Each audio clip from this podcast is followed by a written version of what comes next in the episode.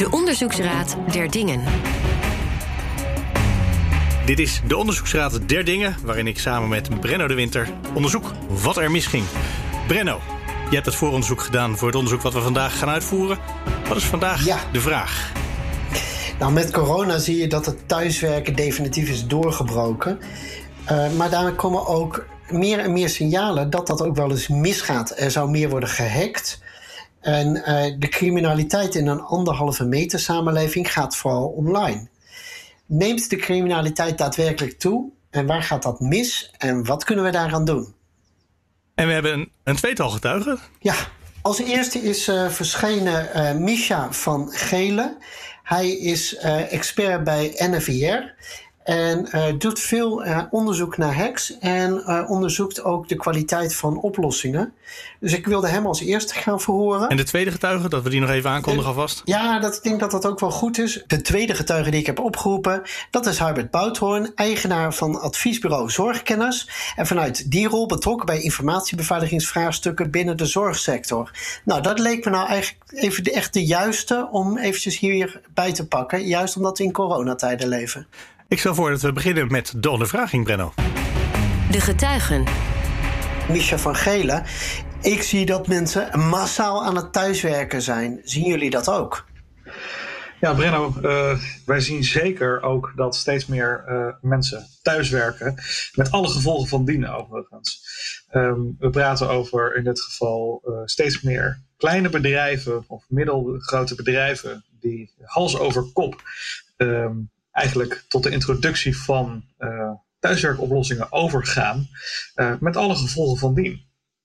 Wat voor gevolgen denk je dan aan? Dan praat je erover dat uh, bepaalde beleidskeuzes, zoals een veilig wachtwoordbeleid, maar ook het instellen van een twee-factor authenticatie, dus dat je zo'n speciale code hebt die constant verloopt nadat je hem hebt ingevuld, dat die uh, maatregelen niet worden genomen, uh, waardoor die thuiswerkomgevingen veel kwetsbaarder zou zullen zijn dan eigenlijk nodig is en dus ook veel makkelijker aangevallen kunnen worden. Maar uh, merk je dat dan ook dat, dat bedrijven jullie bellen van hey, we, we zijn aangevallen en gaat dus de telefoon vaker? Oftewel, hebben jullie nu gouden tijden? Nou, we worden best wel vaak gebeld, uh, sowieso voor heel veel incidenten. Maar uh, wat we ook merken is dat er dan vaak iets fout gaat bij organisaties. Maar dat er wordt gezegd, nou, dit onderzoeken wij later wel, want we hebben even wat anders aan ons hoofd. Hoe moet ik dat zien? Want heel vaak praat je dan over een datalek. Dus dan moet je binnen 72 uur melden. Hoezo later, aan, later onderzoeken? Dat klopt. Uh, wij, zijn er daar ook, wij geven ook altijd het advies om het zo snel mogelijk te laten onderzoeken. Um, maar op een of andere manier merken we ook dat veel organisaties op zo'n moment zeggen: Nou, ik kijk de, battle, de, de kat al even uit de boom. voordat we verder gaan met uh, onderzoeken. Dus hebben we vaak contact met één persoon bij een organisatie die, ons heeft gebeld. En dan wordt er uh, vanuit, uh, vanuit hoger besloten om te zeggen, nou, dat doen we dan later wel. Ondanks dat je inderdaad terecht zegt dat je binnen 72 uur naar zoiets moet melden. En, en wat gaat er dan mis? Ik bedoel, ik, ik zie allemaal krantenberichten over dat, dat hackers massaal aanvallen, ziekenhuizen lam leggen. wat is er allemaal aan de hand? Nou, wat je nu steeds meer ziet is een ontwikkeling waarbij uh, phishing mails verstuurd worden, gericht op organisaties bijvoorbeeld. Waarbij uh, onervaren thuiswerkers, om het zo maar even te zeggen, aangespoord worden om dan bijvoorbeeld, uh, geef een voorbeeld, nieuwe thuiswerkprocedures van hun werkgever door te lezen. Uh, dan vervolgens wordt daar een link bij gegeven. Er wordt op die link geklikt en dan wordt er ingelogd op uh, een nepomgeving, zoals bijvoorbeeld een Office-omgeving of een intranet-omgeving. Uh, en vervolgens hebben hackers dus toegang tot zo'n intern bedrijfsnetwerk, omdat er dus ook geen twee-factor is toegepast. In die hoek, zeg maar. En dat had natuurlijk al uh, ingevoerd moeten zijn, toch? Klopt, alleen de, de orde van de dag is nog steeds dat heel veel organisaties geen gebruik maken van, het standaard, uh, van de standaard beveiligingsinstellingen die gewoon uh, beschikbaar zijn in Office 365. En op het moment dat, dat het dan fout gaat, dan zie je pas dat die maatregelen daadwerkelijk benut gaan worden. Wacht even, je zegt nu dat in Office 365 wordt gebruik gemaakt van uh, uh, de inlogmogelijkheden en zo. Maar dan zet je dus niet de beste beveiliging aan. Dus het is niet eens dan de eigen bedrijfsomgeving, maar gewoon een kant-en-klare omgeving waar alles al mogelijk was. Ja, ook, ook bij dat soort omgevingen zien we gewoon heel vaak dat het niet aanstaat. Uh, want dan zijn ze net overgegaan, is er net een migratie geweest. Uh, en wordt er gewoon uh, ja, wordt gezegd van nou dat doen we later wel. Want ja, het is toch allemaal moeilijk met het instellen van die, van die tweede factor. En dan moet iedereen dat doen. Lastig, lastig.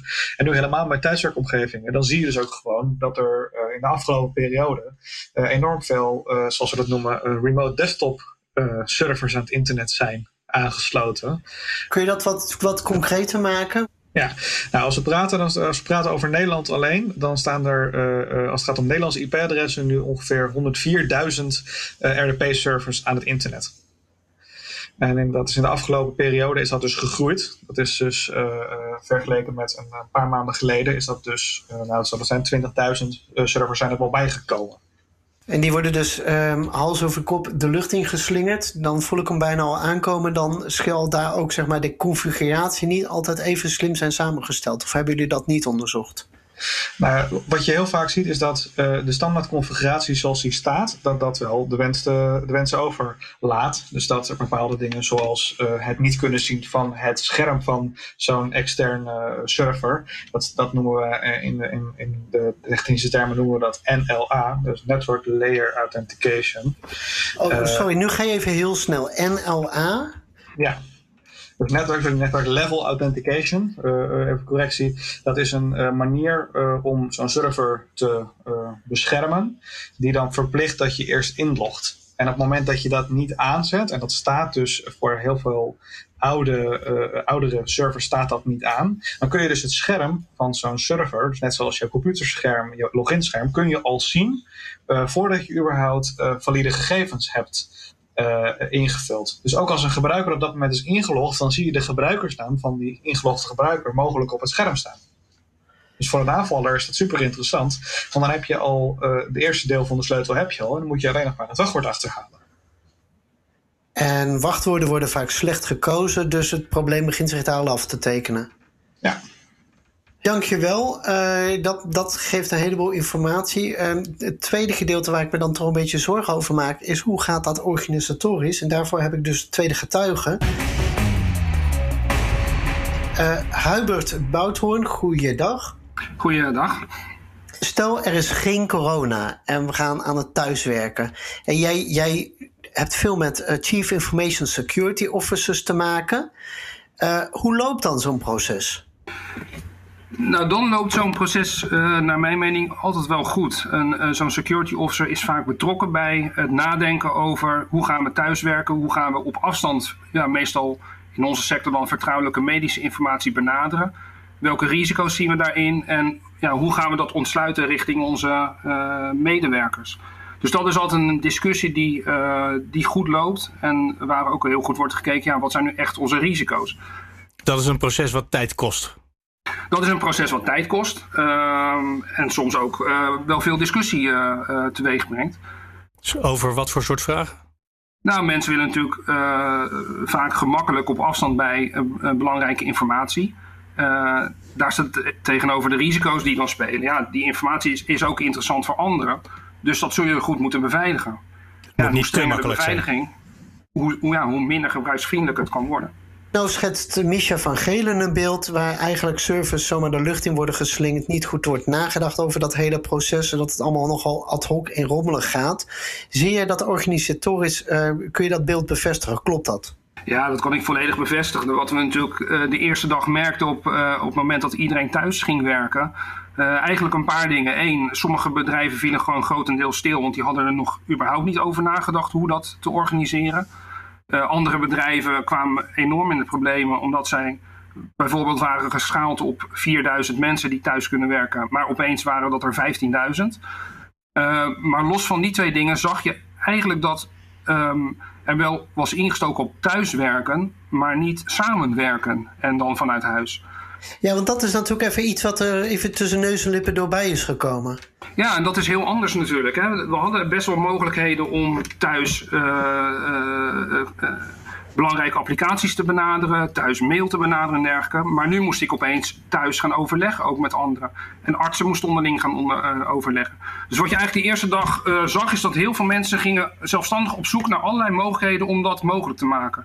Dus ik zag die eerste dagen zag ik voorbij komen Zoom, Jitsi, WebEx, Microsoft Teams, Skype, FaceTime, WhatsApp, Signal. Nou, eigenlijk van alles. En iedereen was op zoek naar die middelen om die eerste dagen door te komen. Ja, en dan zie je het geval dat de security officer daar gewoon niet bij betrokken wordt. Uh, en dan zie je gewoon de grote risico's gaan ontstaan. Even iets heel praktisch. De dingen die je net opnoemt, zitten daarbij waarvan je zegt, nou, die moet je sowieso uh, niet overwegen? Of die zijn juist heel geschikt? Ja, ze zijn wel of niet geschikt voor hele verschillende situaties. Nou ja, in dit geval, je hebt de artsen, dus eh, vertrouwelijke gegevens. De, de, de lat ligt waarschijnlijk wel hoog. Eh, de lat ligt hoog en je, je moet vooral inderdaad kijken uh, hoe loopt mijn communicatie, via welke landen loopt dat, wordt communicatie wel of niet opgeslagen uh, en op welke manier wordt dat gedaan. Er is natuurlijk veel discussie in de media geweest, ook rondom Zoom. moeten we dat wel of niet gaan gebruiken? Ja, daar zag je de afgelopen dagen heel veel wisselende berichten over. Wel veilig, niet veilig, wel gehackt, niet gehackt. Um, dat ging echt alle kanten op. Um, en, ja, en zo heb je wel meer applicaties waar, waarbij je wel vraagtekens kunt stellen. Ja. Wij hebben vorige week gesproken ook over Zoom. Daar waren inderdaad de nodige dingen. Uh, maar dan toch heel, ook eventjes naar ons technisch geweten. Misha, als ik arts ben. Um, patiënten spreken via FaceTime, WhatsApp, Signal, Skype, Microsoft Teams, Zoom, Jitsi, WebEx. Wat moet pakken? Ja, dat is een hele goede vraag, Benno. Uh, als je kijkt naar... ja, elk medium heeft zijn eigen do's en don'ts in die zin. En op dit moment uh, is gewoon niet goed duidelijk, en dat is ook het hele prangende, uh, welke uh, dienst je nou wel kunt vertrouwen. Als je praat bijvoorbeeld over Microsoft Teams, dan is dat weliswaar een betaalde dienst. want heel vaak hebben organisaties een betaald abonnement bij Microsoft, maar diensten als FaceTime, WhatsApp, lijkt mij zeer onverstandig. Simpelweg omdat uh, de databedrijven zijn waar je geen geld voor betaalt, waar je geen afspraken mee hebt als het gaat over de verwerking van jouw data. in de zin van dat zij er geen geld aan mogen verdienen.